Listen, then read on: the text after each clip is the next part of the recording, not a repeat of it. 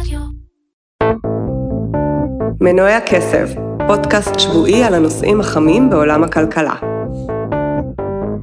האם גם אתם הסתכלתם על חשבון האשראי של החודש או החודשיים האחרונים ואמרתם, די, חייבים לצמצם הוצאות? האם גם אתם בחנתם לאחרונה את התשלומים החודשיים הקבועים שלכם לאינטרנט, לטלוויזיה, לחברות הביטוח או למכון הכושר ושברתם את הראש מאיפה ניתן לקצץ? האם מצאתם את עצמכם מול המדף בסופר מתלבטים האם כדאי לרכוש את העגבנייה האורגנית היקרה או להתפשר על הרגילה? והאם ויתרתם על חופשת הפסח כי יש גבול לכמה אפשר להוציא על שלושה לילות במלון? אם זה מה שיצא לכם לעשות בתקופה האחרונה, אתם לא לבד. עלייה חדה כל כך במחירים ומהירה משנה את הרגלי החיים של כולנו. וכל זה עוד לפני שהתחלנו לדבר בכלל על השינויים שקרו בעקבות העלאת הריבית ועוד יקרו. אז שלום וברוכים הבאים לפרק מספר 193 של פודקאסט מנועי הכסף של כלכליסט, עם הכלכלן והאסטרטג הראשי של פסגות אורי גרינפלד, אהלן אורי. אהלן שי. והיום אנחנו נדבר על אה, אה, אינפלציה ועל איך היא משנה, וככל הנראה, תשנה את החיים של כולנו, אבל, אה, וזה, וזה לא רק על הצד של השינוי, ב, זה, זה הצד של הביקוש יותר, אנחנו גם נדבר על, ה, על הריבית ועל החלטת הריבית שהייתה רק לפני שלושה ימים, אה, בנק ישראל, מתי כן, זה היה? כן, בתחילת השבוע, ועל, ונזכיר גם את נתוני הגירעון הנפלאים. וטוב, אה, אז בואו נתחיל. אולי נתחיל מהמספרים היבשים, ש... תשמע, היה לנו גם מדד מחירים בארצות הברית. לפני, גם לפני יומיים זה פורסם, והמחירים שם בקצב של שמונה וחצי אחוזים בשנה, עליית המחירים, שיא של 40 שנה. כן. בבריטניה פורסם אה, אה, שהמחירים, האינפלציה בשבעה אחוזים, שיא של 30 שנה. אתה אמרת לי לפני השידור שגם אה, קנדה, האינפלציה שם מתחילה כבר להשתולל והם העלו ריבית בחצי אחוז. כן. שזה גם משהו שלא נראה 20 שנה, העלייה החדה הזאת בקנדה, הם, אתה יודע, די שמרנים, כן. אפשר להגיד. אז בוא, לפני שנדבר באמת על הריביות ועל התגובה של השווקים, משהו ב, ב, בשגרה שלנו כן משתנה, בטעמים שלנו, בסדר, בסדר יום שלנו. כן, זה לא, זה לא הכלכלה שהכרנו, כמו שאומרים, זה לא העולם שהכרנו. ותראה, הסדר יום שלנו משתנה משני הכיוונים. הכיוון הראשון הוא כיוון האינפלציה עצמה. אם המחירים של הדלק, מה לעשות, אני חייב להגיע לעבודה, אז המחירים של הדלק עולים, נשאר לי פחות כסף בכיס. מחירי המזון עולים, אז נכון, את העגבנייה האורגנית אני לא חייב לאכול, אבל יש בסוף אה, סל צריכה בסיסי שכן צריך, אה, והמחיר שלו מתייקר, וכנראה עוד ימשיך להתייקר, אגב, אחרי הפסח, אני מניח שנראה לא מעט עליות מחירים. אמ, אז נשאר פחות כסף לצריכה נוספת. הדיור, כרגיל, מתייקר. יש המון מוצרים בסיסיים או שוטפים שאתה חייב לשלם עליהם, אה, טלפון וכן הלאה, שבסוף מה שזה אומר, ככל שהמחירים האלו הולכים ומתייקרים, ההכנסה, חלק מההכנסה שנשאר לך לשאר הדברים הולך וקטן, כשגם המחיר של שאר הדברים עלה, ואז מן הסתם אתה חייב לצרוך פחות ממנו. אז זו פגיעה ראשונה, והיא באה לידי ביטוי כבר היום, והיא תבוא לידי ביטוי עוד יותר קדימה, כי גם לוקח זמן עד שמשק בית משתכנע ואומר, טוב, נהדק את החגורה. זאת אומרת, בהתחלה אתה עוד אה, מנסה לשמור על אה, רמת החיים הרגילה שלך, אבל יש שלב מסוים, אני מניח, לכל אחד הוא מגיע ברגע אחר, שהם מחליטים להדק קצת את החגורה, והמשמעות היא מאוד פשוטה, ירידה בצריכה הפרטית. ירידה בצריכה הפרטית, זה אומר ירידה בצמיחה במשק. זאת אומרת, אנחנו נראה את הכלכלה בכל העולם, אה, נכנסת לסוג של האטה, זה עדיין לא חייב להגיע למצב של מיתון ועלייה חדה באבטלה, אבל אנחנו נראה האטה. אגב, כל הבנקים המרכזיים שהזכרת, קנדה, ארה"ב, אה, פה בישראל, כולם פרסמו את תחזיות הצמיחה שלהם לשנים גם 2023, יש כאלה גם מעבר לכך, ובכולם התחזית היא ש-2023 תהיה שנה פחות טובה מ-2022. פחות טובה, אבל לא, אף אחד לא פרסם עכשיו שצפוי לא. איזה מיתון או התכווצות, נכון, משהו. נכון. לא למרות, ש, מיתון. למרות שאתה יודע, הדברים האלה... אף- דרך אגב, אני לא זוכר פעם אחת אפילו שתחזית של אה, גוף, בכלל, גוף אה, אה, ציבורי, בנק מרכזי, ממשלה, שתחזית מראש הייתה למיתון, כי זה לחטוא לתפקיד. אם אתה מניח שב-2023 יש מיתון, אתה חייב לעשות עכשיו כבר משהו. אז אתה לא יכול לפרסם שיהיה מיתון, כי זה בעצם, אתה צריך לפרסם שיהיה צמיחה על סמך מה שאתה עושה. אה, אבל, אוקיי. עולם קשה תחזיות עצמך. כן, נניח עכשיו בדיוק אם זה יהיה, אתה יודע, זה הפער בין האטה למיתון, כאילו, מה, בצמיחה של חצי אחוז בשנה זה בסדר? לא. זה גם אומר עלייה באבטלה. אז בואו, בואו נרד רגע מהצד הסמנטי. בכל מקרה, אנחנו רואים כבר היום פגיעה בצרכן הפרטי, זו לא שאלה, אני מניח שחלק גדול מהמאזינים גם מרגיש את זה, וזה משהו שילך ויחמיר, כל עוד האינפלציה נשארת ככה גבוהה. זה, זה, זה שנייה רק לפני, אה, זה, זה, זה מין תחושה כזאת שהעולם האמיתי, אה, אה, יותר נכון, העולם הרשמי של המספרים, סוף סוף מתנגש עם העולם האמיתי שאנחנו מרגישים ברחוב. זו התחושה שיש. בתחושה, סוף סוף אומרים לך, כן, יש אינפלציה. בדיוק. אחרי שנים שהרגשת שהמחירים הם גבוהים ואמרו לך שהאינפלציה שלילית, כן, וגם לזה היו הסברים, ו- והיה, בז- הפער הזה, הוא היה בסך הכל הגיוני, אבל זה מאוד הציק לאנשים. אבל גם היום, שאומרים לך, תראה, האינפלציה בישראל שלושה וחצי אחוזים, בוא נחשוב מה זה אומר. משפחה מוציאה עשרת אלפים שקל בחודש, סתם, ניקח מספר פשוט עגול, כן. אם המחירים עלו בשלושה וחצי אחוזים על פני שנה, זה כאילו אומרים לך שבעצם הסל צריכה שלך בעוד שנה יעלה מ-10,000 שקל ל-10,350? אני כן. חישוב נכון? תעשה לי טובה. כן. התחושה היא הרבה יותר, ובצדק. האינפלציה בפועל היא תמיד יותר גבוהה מהנתון עצמו, כי יש, בדרך שמודדים אינפלציה, יש איזה סוג של אה, הטיה. אה, ככה מודדים, אין דרכים אחרות, שלא נובן לא נכון, זה לא שאנחנו מבקרים פה את כל, את כל לשכות הסטטיסטיקה בעולם, זו הדרך למדוד, וככה זה המצב. אה, התחושה היא של אינפלציה הרבה יותר גבוהה, שהמחירים בסופר עלו הרבה יותר ממה שמראה לנו מדד מחירי המזון בישראל, או בכל מקום אחר, אה, וזה פוגע כבר היום בצריכה הפרטית.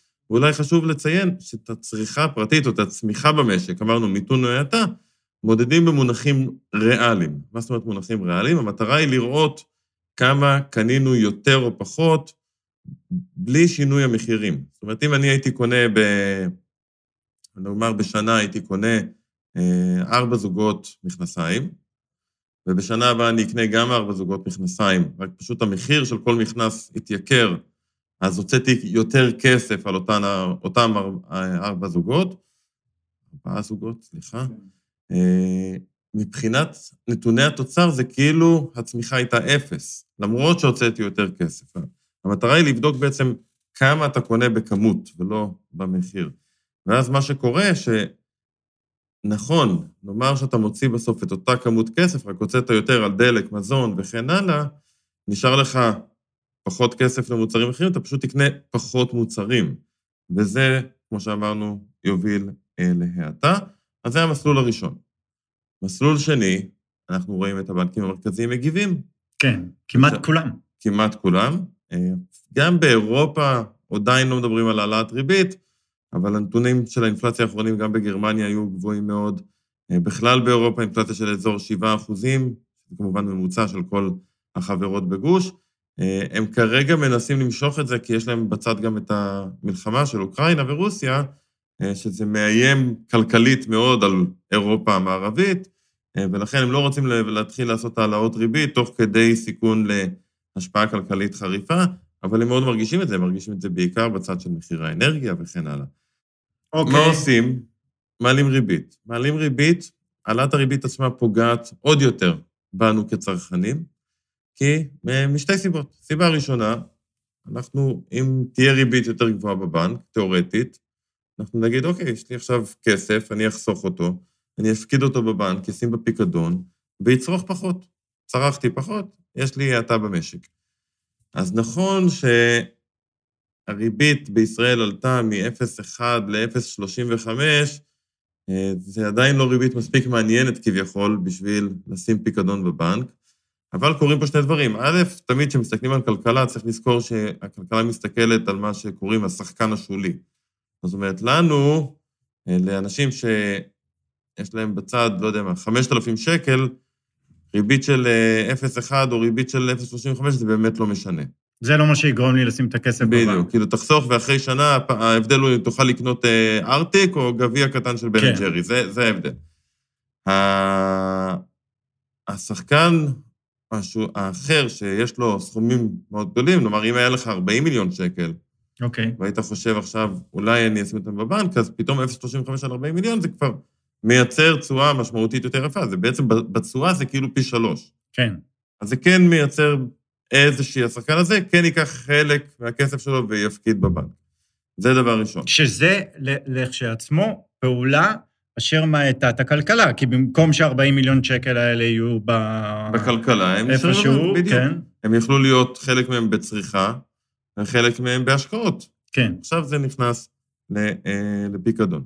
שתיים, אני כחוסך, אני לא מסתכל על מה הריבית רק היום, אני מסתכל גם על הריבית העתידית. זאת אומרת, אם הייתי אומר לך, שי, בעוד חצי שנה, אני מבטיח לך, הבנקים ייתנו על פיקדון חמישה אחוזים. היית אוקיי. אומר, וואי, מגניב, אני אחסוך עכשיו כדי שאני אוכל להפקיד את זה בעוד חצי שנה. כן. וברגע שבנק ישראל בא ואומר, אנחנו לא רק מעלים את הריבית ל-F35, אלא הריבית שנה מהיום תהיה אחוז 25... אחוז וחצי. אחוז וחצי, הם אמרו, אז זה כבר משנה את התפיסה מבחינת החוסך, ויכול להיות שזה כבר מייצר איזושהי פעולה של לקחת קצת יותר מההכנסה החודשית שלי לכיוון של חיסכון, כי הריבית תלך ותעלה, ואני רוצה שהכסף יעבוד בשבילי בעצם. זה צד אחד. צד שני זה הצד של הלווה. אנחנו לקחנו משכנתה, המשכנתה הזו מתייקרת. כן. אז עוד פעם, היא לא מתייקרת כביכול הרבה, נכון? מה זה בין 0.1 ל-35? זה לא פער גדול. אבל בסופו של דבר, אה, חישוב, באמת חישוב סנדלרים פשוט כזה, על כל אחוז בריבית, החלק של הפריים במשכנתה, שאצל רוב האנשים זה שליש, מי שלקח משכנתה, מי שלקח בתקופה האחרונה זה כבר עלה גם לשני שליש. החלק הזה מתייקר אוטומטית עם העלייה בריבית. כן. כי ריבית הפריים זה בעצם ריבית בנק ישראל, פלוס אחוז וחצי. אז במקום 1.6 זה הופך להיות 1.85. אה, אז זה מתייקר, בחישוב פשוט, על כל אחוז עלייה בריבית בנק ישראל, משפחה עם משכנתה ממוצעת, אם מסתכלים על המשכנתאות בישראל, תשלם יותר, פחות או יותר 300 שקל בחודש החזר משכנתה. כן. וזה לא מעט כסף שיורד לך בעצם מצריכה של מוצרים אחרים. שתיים, מה עם האנשים החדשים שבאים לקחת הלוואה? Okay? אוקיי? אגב, כל מה שאמרנו קודם על משכנתה נכון גם לגבי סתם הלוואות. לקחתי הלוואה לכל מטרה בשביל, אה, לא יודע מה, לטוס לחו"ל. כן. אני עכשיו משלם עליה יותר, זאת אומרת, נשאר לי פחות כסף מההכנסה שאני יכול להוציא על דברים אחרים. או, או, או, או אפילו אם אתה לוקח הלוואה לאיזשהו פרויקט, אה, אה, בא לך, לא יודע, להשקיע באיזה פרויקט שהוא לא בורסה, אתה לוקח הלוואה, הכדאיות של הפרויקט יכול להיות כבר לא שווה לך. ועכשיו בדיוק, עכשיו זה בא לידי ביטוי בלוקחי הלוואות החדשים. אם אני רוצה לקנות היום בית, אם אני רוצה, אם אני למשל אה, מפעל ואני רוצה להקים קו ייצור חדש, אני צריך לקחת הלוואה כדי להקים את הקו ייצור הזה, ושם הריביות עלו הרבה יותר. כי צריך לזכור שהריביות ללווים חדשים לא מתומחרות לפי ריבית בנק ישראל. אם אני לוקח הפריים, כן, אבל החלק השני מתומחר לפי שוק האג"ח.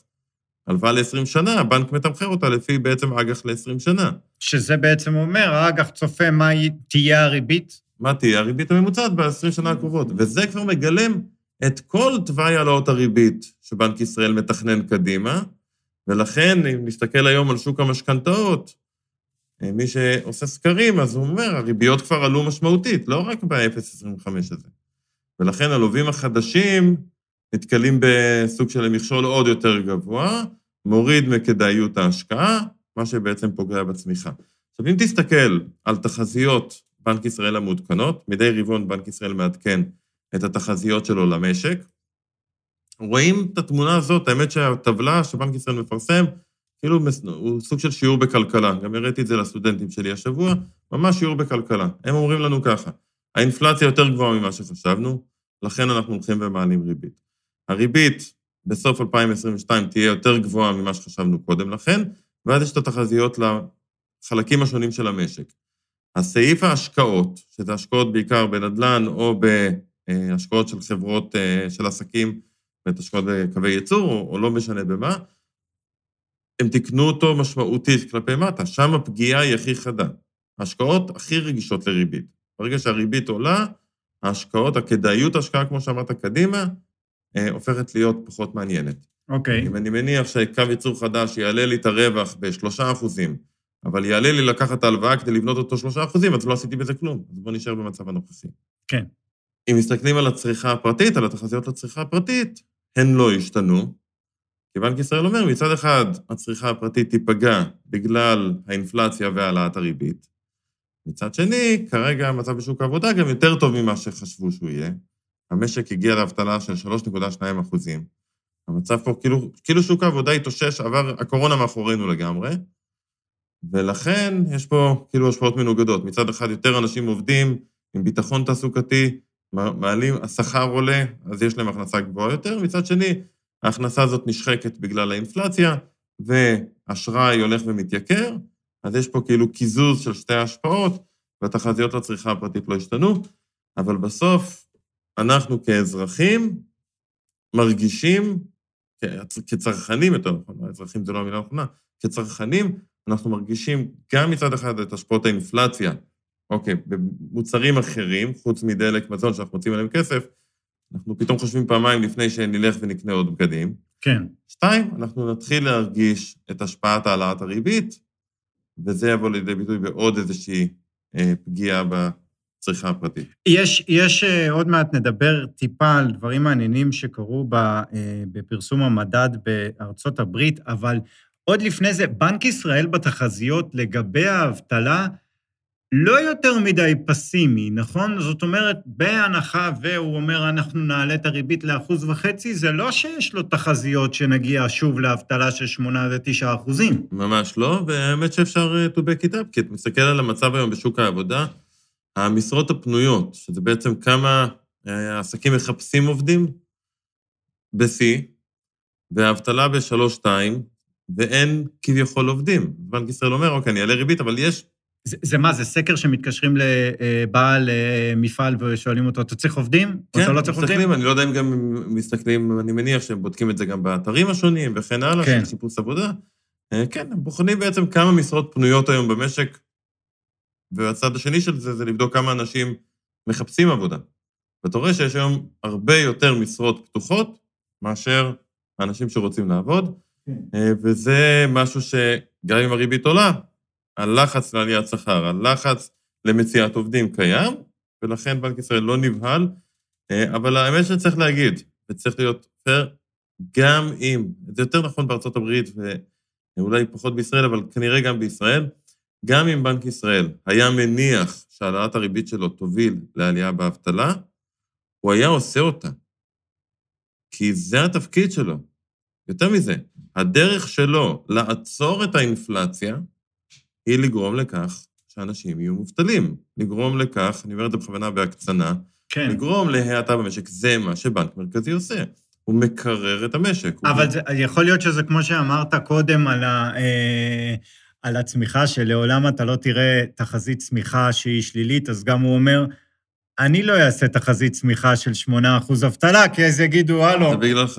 נכון, כן, נכון. בדיוק. הוא מקווה, הוא נוטה לחשוב ומקווה שהוא יצליח לאזן את זה. זאת אומרת, הוא יעלה את הריבית, ברגע שהוא יתחיל להרגיש שהאינפלציה מתקררת, שאנשים כבר לא רצים לקנות, ושדות התעופה לא מפוצצים, ולא כולם אה, מוציאים ומוציאים ומוציאים, כי הריבית התחילה להשפיע, אז הוא כנראה קצת יוריד את הרגל מהברקס, וינסה לאזן. זו התקווה של בנק מרכזי. בעצם העבודה שלו היא תמיד לנסות להחליק את המחזור עסקים.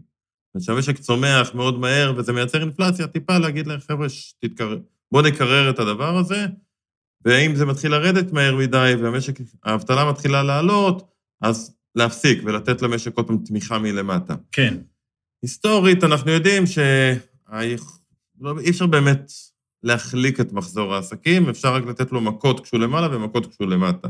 כן. אה, זה בורח משליטה בדרך כלל, תמיד אפשר לקוות שהפעם זה אחרת. כן, אז בוא נדבר בקצרה אה, רגע על, אה, על משהו אופטימי, טיפה. אמנם אה, בהתחלה אמרנו שמונה וחצי אחוזי אינפלציה שנתיים בארצות הברית, וזה יגרום להעלאות ריבית, אני כבר לא יודע כמה פעמים יעלו ריבית, אבל יעלו ללא ספק הרבה, אבל יש גם זווית קטנה, אור בקצה המנהרה בנתונים האלה. כן, האור הוא שמתחילים אולי לראות, עוד פעם, זה עוד מעט נתונים, אה, אבל אולי מתחילים לראות סימנים ראשוניים לתהליך הזה של אה, התמתנות האינפלציה שמגיעה מצד ההיצע. דיברנו על זה לא מעט פעמים, אה, עליות המחירים של הרכבים, עליות המחירים של ריהוט, כל מה שהושפע ממחירי השינוע שמאוד עלו, או מהמחסור בשבבים שהיה, שם מתחילים לראות קצת איזושהי התמתנות. למשל, סעיף הרכבים המשומשים ראינו בארצות הברית ירידה של 3.8 אחוזים. אוקיי. אה, והקצב השנתי, עליית המחירים היום, רכב משומש בארצות הברית, עולה בממוצע 35 אחוזים יותר ממה שהוא עלה לפני שנה בדיוק. זה עדיין אינפלציה מאוד גבוהה, אבל זה היה הרבה יותר. זאת אומרת, קצב האינפלציה מתחיל לאט-לאט לרדת, ואם אתה מסתכל על, על הנמלים, ואם אתה מסתכל על חברות השבבים, אתה מבין ש... הבעיות, הפקקים הענקיים שהיו בכל שרשרות האספקה, מתחילים להשתחרר, ולכן סביר להניח שנראה את ההתמתנות הזאת של האינפלציה ממשיכה קדימה, מה שאומר שלקראת סוף השנה האינפלציה בארצות הברית כבר לא תהיה ב-8.5 אחוזים, והיא תתחיל לדעוך, ולתוך 2023 נחזור לאזורים יותר הגיוניים, של כנראה אזור של 4 אחוזים פלוס מינוס, אולי קצת יותר, עוד פעם, זה תלוי מאוד ברוסיה ואוקראינה ועוד דברים, אבל... כן.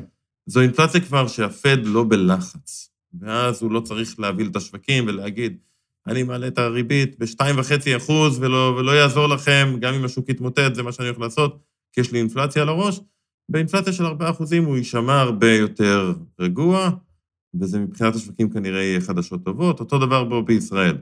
האינפלציה ב-3.5, היא מגיעה מצד הביקוש, אנחנו רואים באמת שכולם, אה, הציבור קונה, טס, נוסע, יש ביקוש מאוד חזק, בנק ישראל נבהל, האינפלציה בשלוש וחצי, בדרך לארבע, מעלה את הריבית. שנה מהיום, כנראה האינפלציה כבר תתכנס חזרה לתוך היעד, מתחת לשלושה אחוזים. תהיה האטה במשק מסוימת, נקווה שלא מיתון, אבל תהיה האטה מסוימת, מה שיוריד לחץ מצד הביקוש בעצם, ואז כנראה בנק ישראל יבוא ויגיד, אוקיי, אחוז וחצי ריבית זה כנראה מספיק, אולי אנחנו נגיע לשתיים ואז נבחן שוב, ואתם הם יישמעו אחרת. כשהם יישמעו אחרת, זה משפיע על הציפיות, ואז זה כבר באמת אה, מוריד קצת לחץ מהכלכלה כולה, ובטח מהשווקים הפיננסיים. אוקיי, אה, בסדר, עד כאן החלק הזה. אה, אנחנו נעבור לחלק השני של הדבר המוטרף שקרה השבוע, ואולי לא שמתם אליו לב. אה, אני אתחיל השבוע. זה לא קרה השבוע, זה קרה ב-1976. אה, אה, לא, בדיוק אבל השבוע, בשנת 1976. אתה יודע, אה, לחברת אפל היו שלושה מייסדים, כולם זוכרים שניים, את ווזניאק, את, את ג'ובס כמובן, והיה להם עוד אחד שקוראים לו רונלד ויין. ורונלד ויין, היה לו הוא מכר בדיוק השבוע, ב-1976, עשרה אחוז מהחברה. הוא אמר, לא תצליח, אין, אין מצב. והוא קיבל תמורת העשרה אחוז האלה אה, בסך הכל 800 דולרים. אה, היום העשרה אחוז האלה שווים בערך... הוא עוד חי? 200, אין לי מושג. לא יודע. אם כן, הוא מאוד מריר לא, כנראה. כן, וגם, או שהוא חי, אתה יודע, נטול כל אה, אה, קפיטליזם כזה. והחלק הזה היום שווה 250 אה, מיליארד דולר, 10 אחוזים, אם הוא רק היה לא מתעסק במכירת מניות. מדהים. אגב, שמעתי את הספר החדש של סט רוגן, הקומיקאי. אוקיי. יש שם פרק שלם שמוקדש לווזניאק. מי שבא לו לקרוא או לשמוע באודיובוק, פרק גדול, ממש גדול. אה, טוב, אני הבאתי סיפור אה, על ארצות הברית, אה, שידועה באובר דרמטיות שלה. אז אה, מספ- מדווחים על מושל טקסס, בחור בשם אבוט, שמאוד אה, התעצבן על ביידן, אה, שרוצה להרים את מה שנקרא סעיף 42. סעיף 42 זה סעיף שטראמפ העלה בתחילת הקורונה, שאומר בעצם שמהגרים שמגיעים, עוברים את הגדר אה, ממקסיקו אה, לארצות הברית, בגלל הקורונה לא, לא מטפלים בהם בתוך הברית. זאת אומרת, לא בודקים כן חוקי, לא חוקי, אה, מאיפה המשפחה שלו, לא עושים שום טיפול, ישר זורקים אותם חזרה מעבר לגדר, אה, כדי שהם לא תהיה התפרצות קורונה. ביידן אמר, טוב, הגיע הזמן להרים את זה, ואז מה שקורה זה מה שהיה קורה לפני הקורונה, מגיעים מהגרים, גם אם תופסים אותם, אז הם נמצאים במערכת בתוך ארה"ב עד שמחליטים מה לעשות איתם. אוקיי. אה, אז ביידן חושב לשנות את זה ולהחזיר את זה. בא מושל אה, טקסס, אבוט, ופשוט מילא כמה וכמה אוטובוסים במהגרים לא חוקיים שנתפסו בטקסס, שלף את האוטובוסים והוריד אותם מול גבעת הקפיטול בוושינגטון, אמר להם, מפה תסתדרו לבד. וזה, זו, זו ההפגנה שלו, מה. שנקרא. עכשיו רחובות וושינגטון מלאים במהגרים מקסיקנים. יפה, מקורי מאוד. טוב, אה, תודה רבה, חג שמח, שיהיה לכם כשר, חג שמח. ונשתמע.